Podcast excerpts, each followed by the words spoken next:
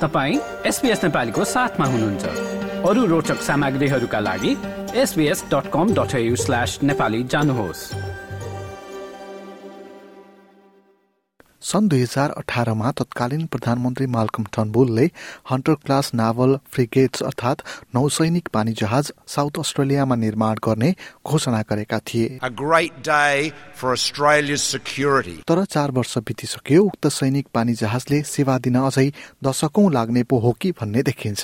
यो र यस्तै विभिन्न परियोजनाहरू आफ्नो टाउको दुखाइ बनिरहेको उप प्रधानमन्त्री रिचर्ड माल्सले बताएका छन्। We have inherited a defence procurement mess, a complete mess. करिब उनासत्तरी अर्ब रुपियाँका यस्ता अठाइसवटा कार्यक्रमहरू अहिले लगभग शताब्दी पछाडि धकेलिएका छन् द हन्टर क्लास फ्रिगेट्सको लागत अहिले चौवालिस अर्ब पुगिसकेको छ।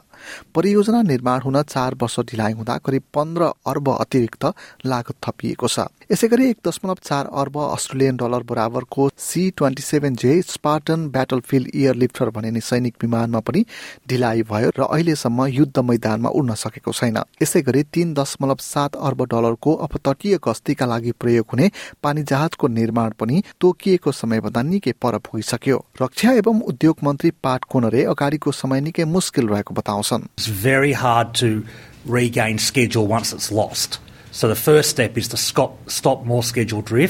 and work with defence industry and the department to um, maintain current schedules and where they can to be improved. तर रिचर्ड माल्स र कोनरे जस्ता मन्त्रीहरू चाहिँ विभागलाई नभई गठबन्धन सरकारलाई दोष थुपारिरहेका छन् With the former government was a government that was totally focused on press releases and announcements, on hoopla and vaudeville, but when it came to the active management of defence procurement, they were one of the worst governments in our nation's history.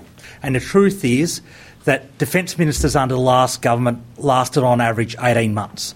Goldfish lasted longer than coalition defence ministers. यता विपक्षी नेता Peter Dutton भने यसलाई अस्वीकार गर्छन् It's just comical. Uh, we put more money into defence than Labor ever did. Labor, when they were in government, reduced defence spending to the lowest level since 1938. सरकारले यी परियोजनाहरू स्थगन गर्ने साटो यसलाई सही व्यवस्थापन गरी चाँडो अगाडि बढाउनका लागि रक्षामा नयाँ कार्यालय स्थापना गर्ने भएको छ Defence needs to justify every dollar it spends. That's actually why we're standing here right now. I mean, what we've had is a decade where that didn't occur. यता अस्ट्रेलिया नेशनल विश्वविद्यालयका रक्षा सम्बन्धी विज्ञ जोन ब्ल्यासल्यान्ड भने अहिले अस्ट्रेलियाली सेनाले कमजोरीहरूको सामना गर्दै गर्दा भविष्यका योजनाहरूका बारेमा शंका व्यक्त गर्छन् gone for the Rolls Royce solution. Didn't matter how much it cost, didn't matter how long it took. And we just took it on the chin.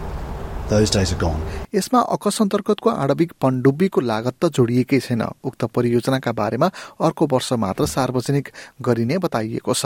Australia वरिपरिका क्षेत्रमा चलखेल र जोखिम बढ्दै गइरहेको अवस्थामा अस्ट्रेलियाली सेनाको समीक्षा हुनु जरुरी रहेको बताइन्छ। जोन ब्ल्यासल्यान्ड सेनाका कमजोरीहरूमा ध्यान दिई उपयुक्त कदम चाल्नका लागि सल्लाह दिन्छन्। And when you have a defence force that's short, has shortfalls in certain capabilities, you then invite a would-be adversary to focus on your weaknesses. Like share र कमेन्ट गर्नुहोस् एसपिएस नेपालीलाई फेसबुकमा साथ दिनुहोस्